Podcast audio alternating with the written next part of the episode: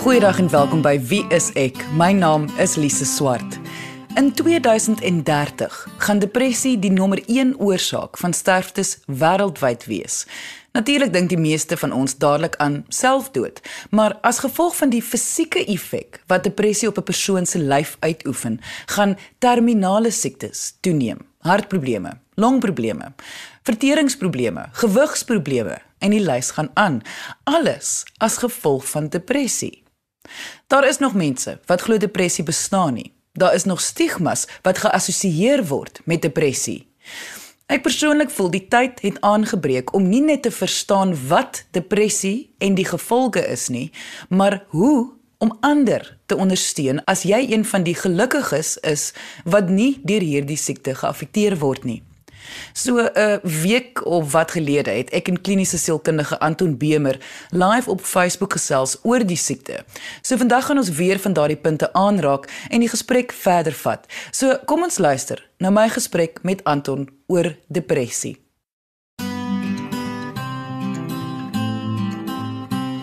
Anton, jy is 'n kliniese sielkundige en neurosielkundige. Wat beteken jou kennis van die brein se werkings is nogal deeglik. So wat is depressie? Ek bedoel wat gebeur in 'n persoon se brein wat depressie ervaar? Depressie word baie maklik net as 'n gemoedstoestand of 'n gemoedsprobleem verstaan diese. En natuurlik is dit waar want jy ervaar sekere negatiewe emosies soos hartseerheid, jy het 'n gebrek aan energie of lewenslus. Mm. En en daardie is natuurlik wat ons baie keer assosieer as 'n emosionele probleem maar ons met die brein en die menslike liggaam en natuurlik ons gevoelens sien as 'n geheel. Dis nie asof ons dit net kan skei van mekaar, um asof daar 'n onderskeid tussen vlees en die gees is nie, soos in die antieke tyd maklik gesê was nie. Die brein speel 'n baie groot rol in hoe ons die wêreld sien en verstaan en ook hoe ons ons eie emosies interpreteer. As iemand vir 'n baie lang tydperk negatiewe dinge ervaar het, as iemand negatiewe gedagtes het oor hulle self, is dit dan natuurlik sodat die die brein op 'n manier gevorm en gestruktureer word wat daardie gedagtes, daardie maniere van dinge doen en daardie gevoelens baie meer prominent in die brein is. En dit affekteer die brein se werking. Die brein begin dan probleme ervaar om byvoorbeeld serotonien af te skei. En dit is 'n baie belangrike chemiese middel of hormoon in die brein wat vir ons help om goed te voel. En 'n tekort daaraan maak dan dat ons natuurlik baie meer geneig is om neerslagtig te voel of depressief te raak. Kom ons vat sommer 'n uh, algemene stigma aan. Bestaan depressie of verbeel mense hulself dat hulle hartseer of af of down voel? Weet jy, as 'n teenvraag kan ek amper vra, bestaan hoë bloeddruk, bestaan diabetes? Want ons sal almal sê ja, daar is natuurlik metings wat ons kan doen om te sê hierdie persoon se bloeddruk is hoog of hierdie persoon se suikertelling uh, dui daaraan dat hierdie persoon diabetes. En ons gaan nie stry daaroor dat dit siektes is nie. Dieselfde gaan met depressie en angs en soortgelyke probleme dat ons dit meet aan sekere kriteria en sê op grond van veranderinge wat plaasvind in 'n persoon se lewenstyl, hulle gemoed, die genot wat hulle put uit aktiwiteite soos om te gaan werk of om te gaan draf of om saam met vriende uit te gaan, daardie aktiwiteite het net skielik glans verloor.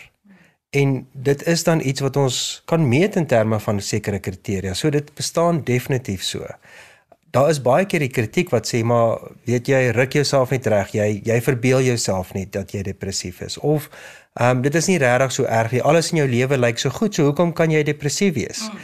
maar die realiteit is baie mense se lewens gaan baie goed en baie opsigte het hulle goeie verhoudinge met hulle eggenote of by die werk het hulle sopas 'n verhoging gekry maar hulle mag nog steeds baie sleg voel En dit is omdat hulle depressief is en dit is omdat daar sekere hulp nodig is om hulle uit daai donker gat, daai donker plek uit te kry. En het 'n persoon beheer oor of hulle depressie ervaar of nie? Beheer is 'n interessante woord want dit klink amper asof ek na my motor toe stap en ek druk die sleutel in die ehm um, starter en ek skakel die motor aan en daar beheer ek in die motor as ek huis toe ry. As iemand anders in my vasry het ek nie beheer daaroor gehad nie.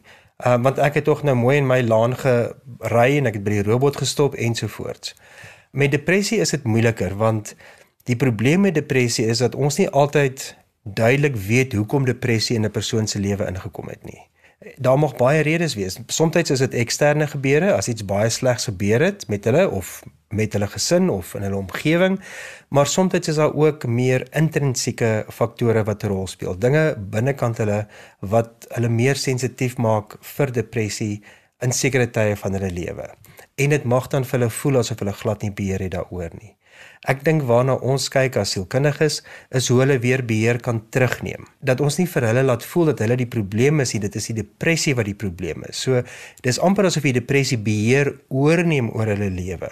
Hoe hulle dink, hoe hulle voel, hoe hulle optree en mens wil hê dat daardie beheer teruggeneem word deur die persoon. So beheer natuurlik kan 'n persoon weer beheer neem, maar mens moet verstaan een van die probleme met depressie is dit neem so oor dat dit voel vir daardie persoon of daar verskeie aspekte van hulle lewe is wat hulle nou nie meer beheer oor het nie.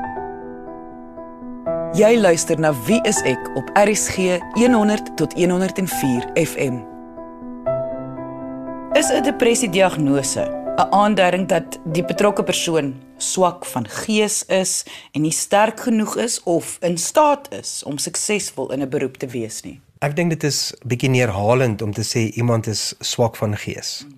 Ehm um, want as ons na die statistieke kyk wêreldwyd, dan sien ons meeste mense gaan by tye in hulle lewe deur 'n depressiewe episode gaan. Mense wat weet beroemd is, mense wat baie baie suksesvol in 'n beroep staan. Ehm um, mense wat deel is van 'n gemeenskap kan deur tye van depressie gaan.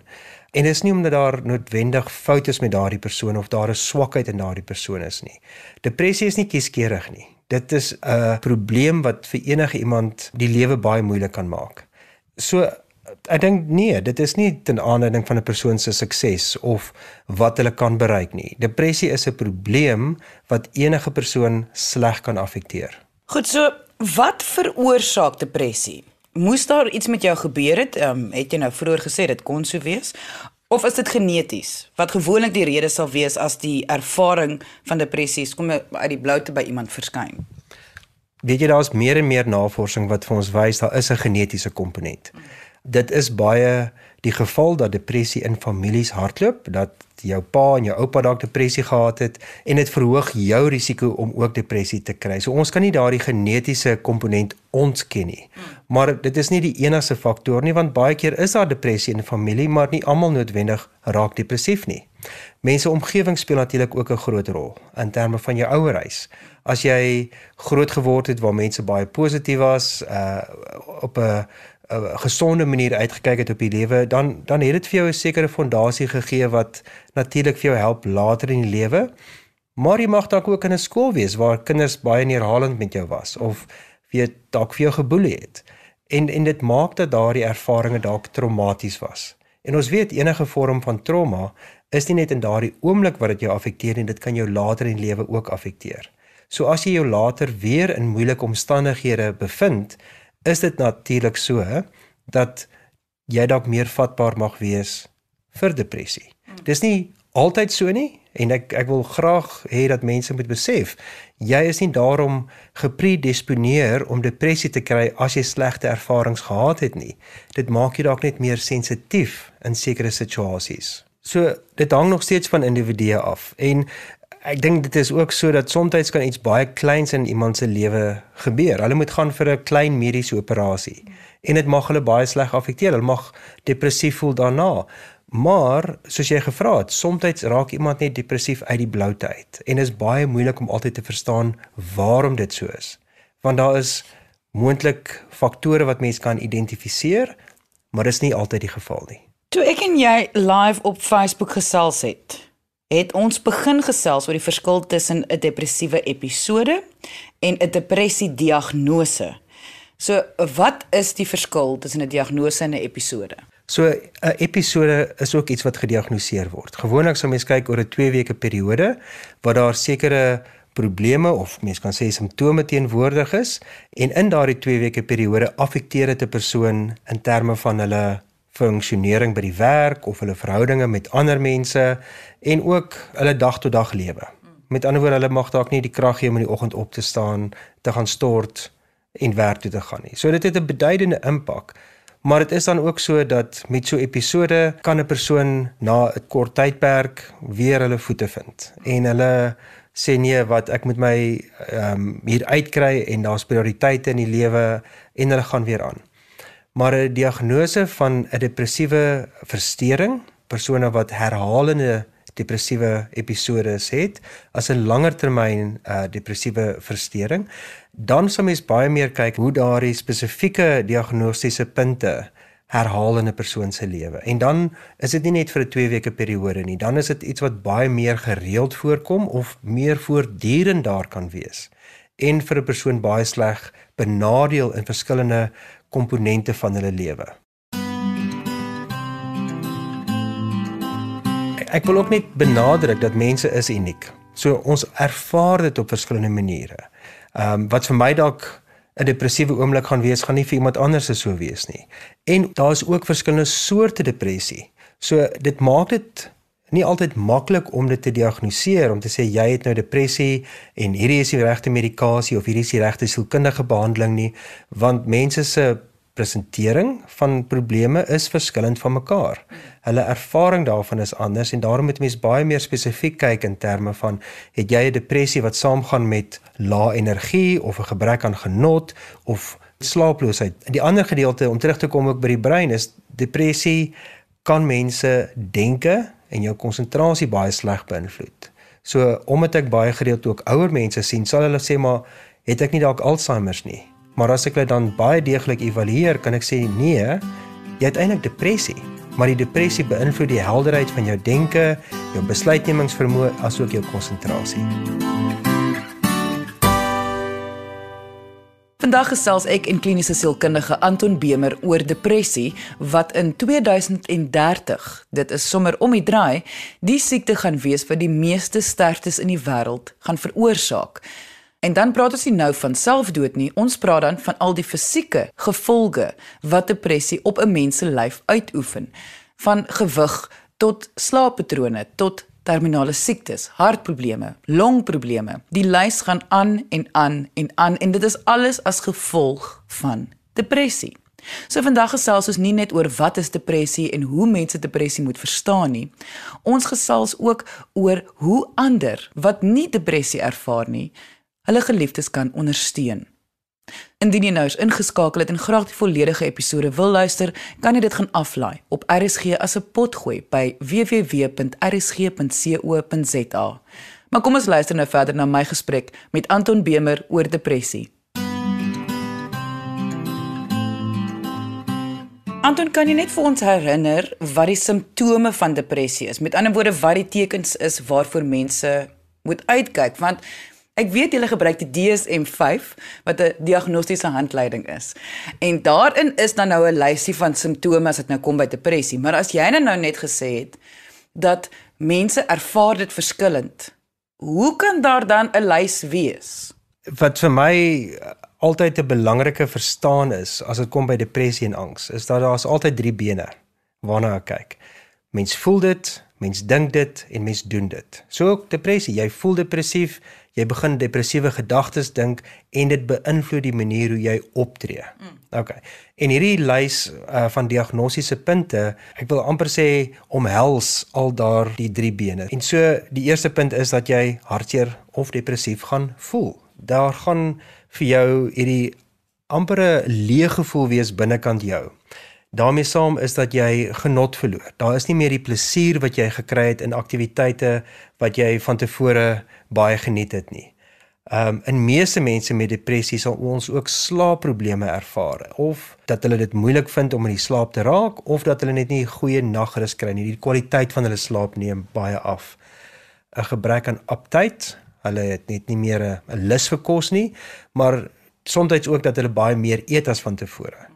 So dan is daar ook 'n uh, verandering in gewig wat toetree ons sien ook baie keer dat mense baie meer geagiteerd is. Hulle is geïrriteerd met met mense rondom hulle. Hulle snap baie vinnig as mense dinge doen of die teenoorgestelde, hulle is net baie moeg en doen alles stadig. Want nog 'n punt is dat daar 'n gebrek aan energie is. Hulle voel moeg. Hulle het net nie krag vir die dag wat voorlê nie. Die interessante is ook dat soms voel mense skuldig Nie net in terme van dat hulle iets verkeerd gedoen het nie, maar hulle mag self skuldig voel dat hulle depressief voel. So skuldgevoelens kan 'n baie baie beduidende punt wees en soos ek vroeër gesê het, probleme met konsentrasie, aandag, om besluite te maak en natuurlik ook helderheid van denke. En die belangrike een wat mens altyd voor evalueer as jy iemand sien met depressie, is daar gedagtes aan die dood. Is daar gedagtes om iets aan hulle eie lewe te doen?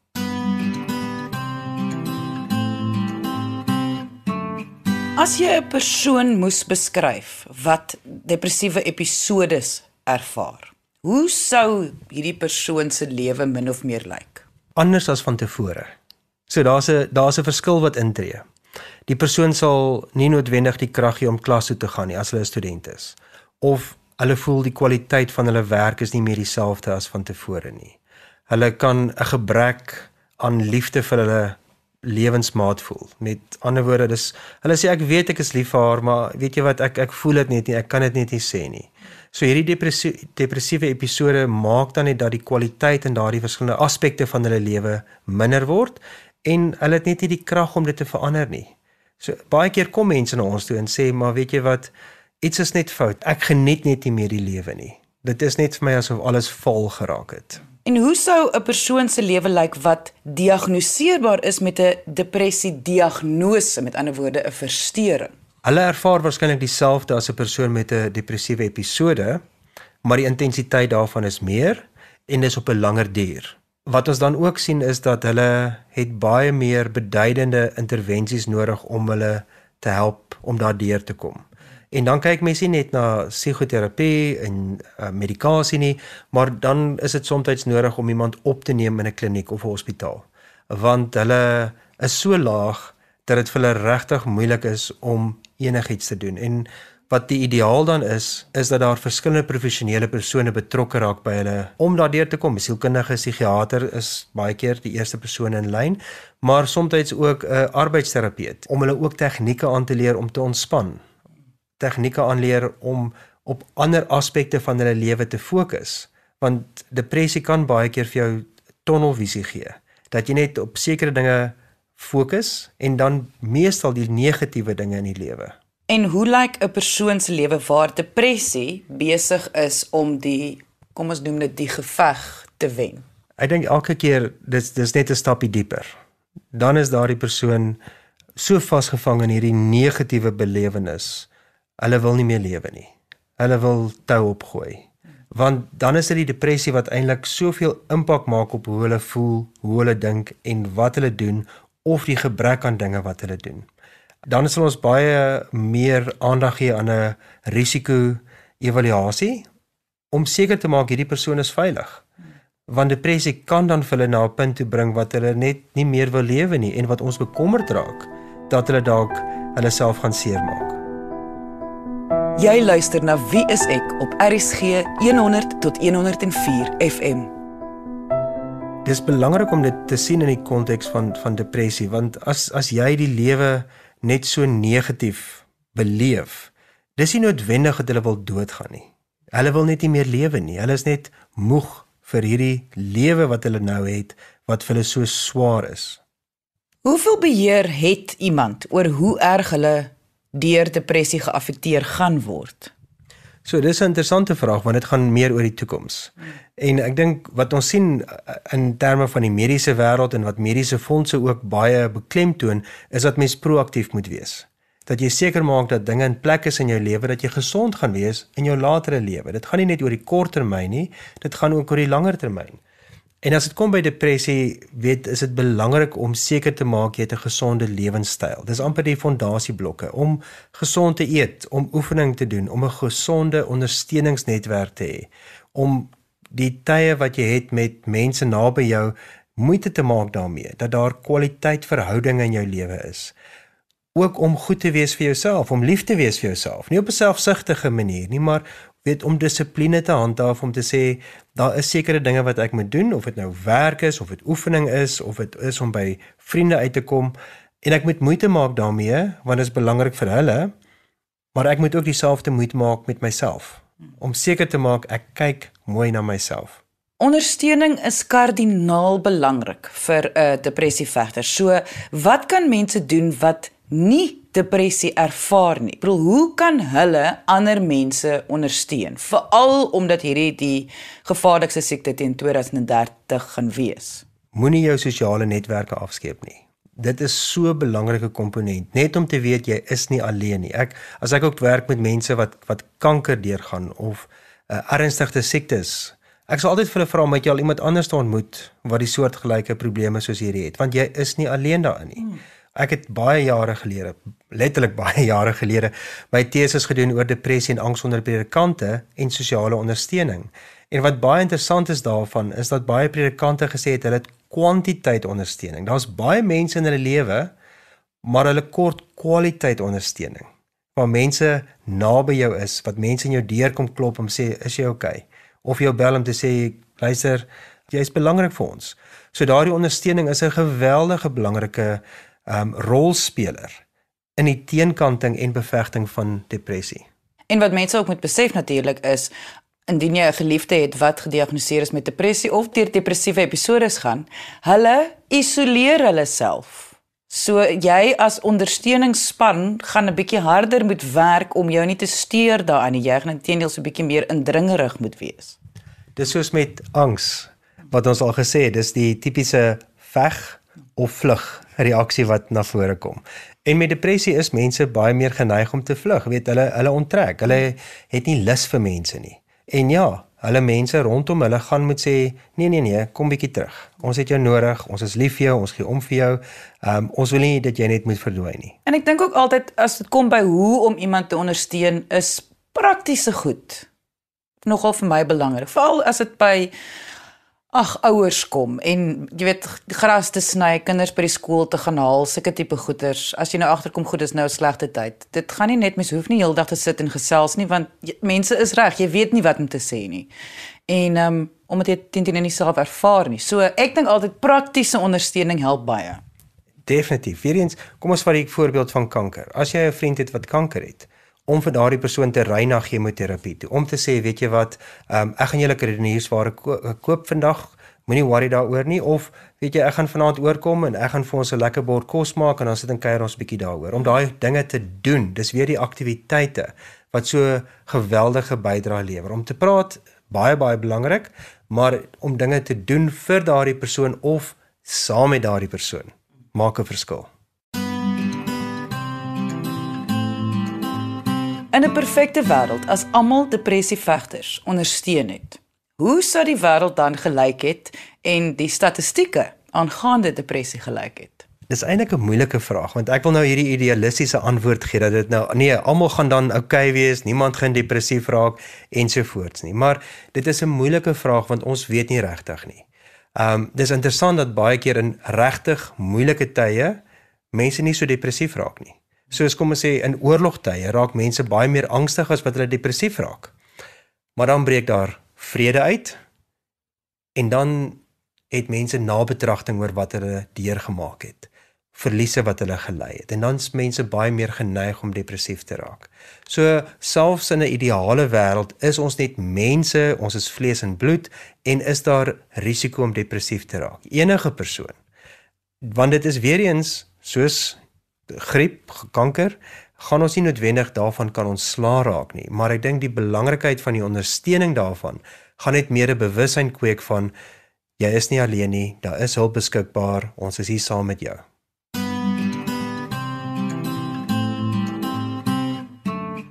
Indien jy enige vrae het aangaande depressie, kan jy 'n sielkundige kontak deur ons webwerf by www.wieisek.co.za of jy kan kom saamgesels op ons Facebookblad onder wieiseksa. Onthou om maandag 12:30 te gaan na ons Facebook wanneer ek live met sielkundiges gesels oor 'n verskeidenheid van sielkundige onderwerpe en menslike gedrag. Natuurlik kan jy daar ook jou vrae vir ons vra. Dankie dat jy vandag ingeskakel het. Ons maak weer so. Volgende Vrydag 12:30 net hier op RSG. Jy moet 'n heerlike naweek hê en onthou, kyk mooi na jouself.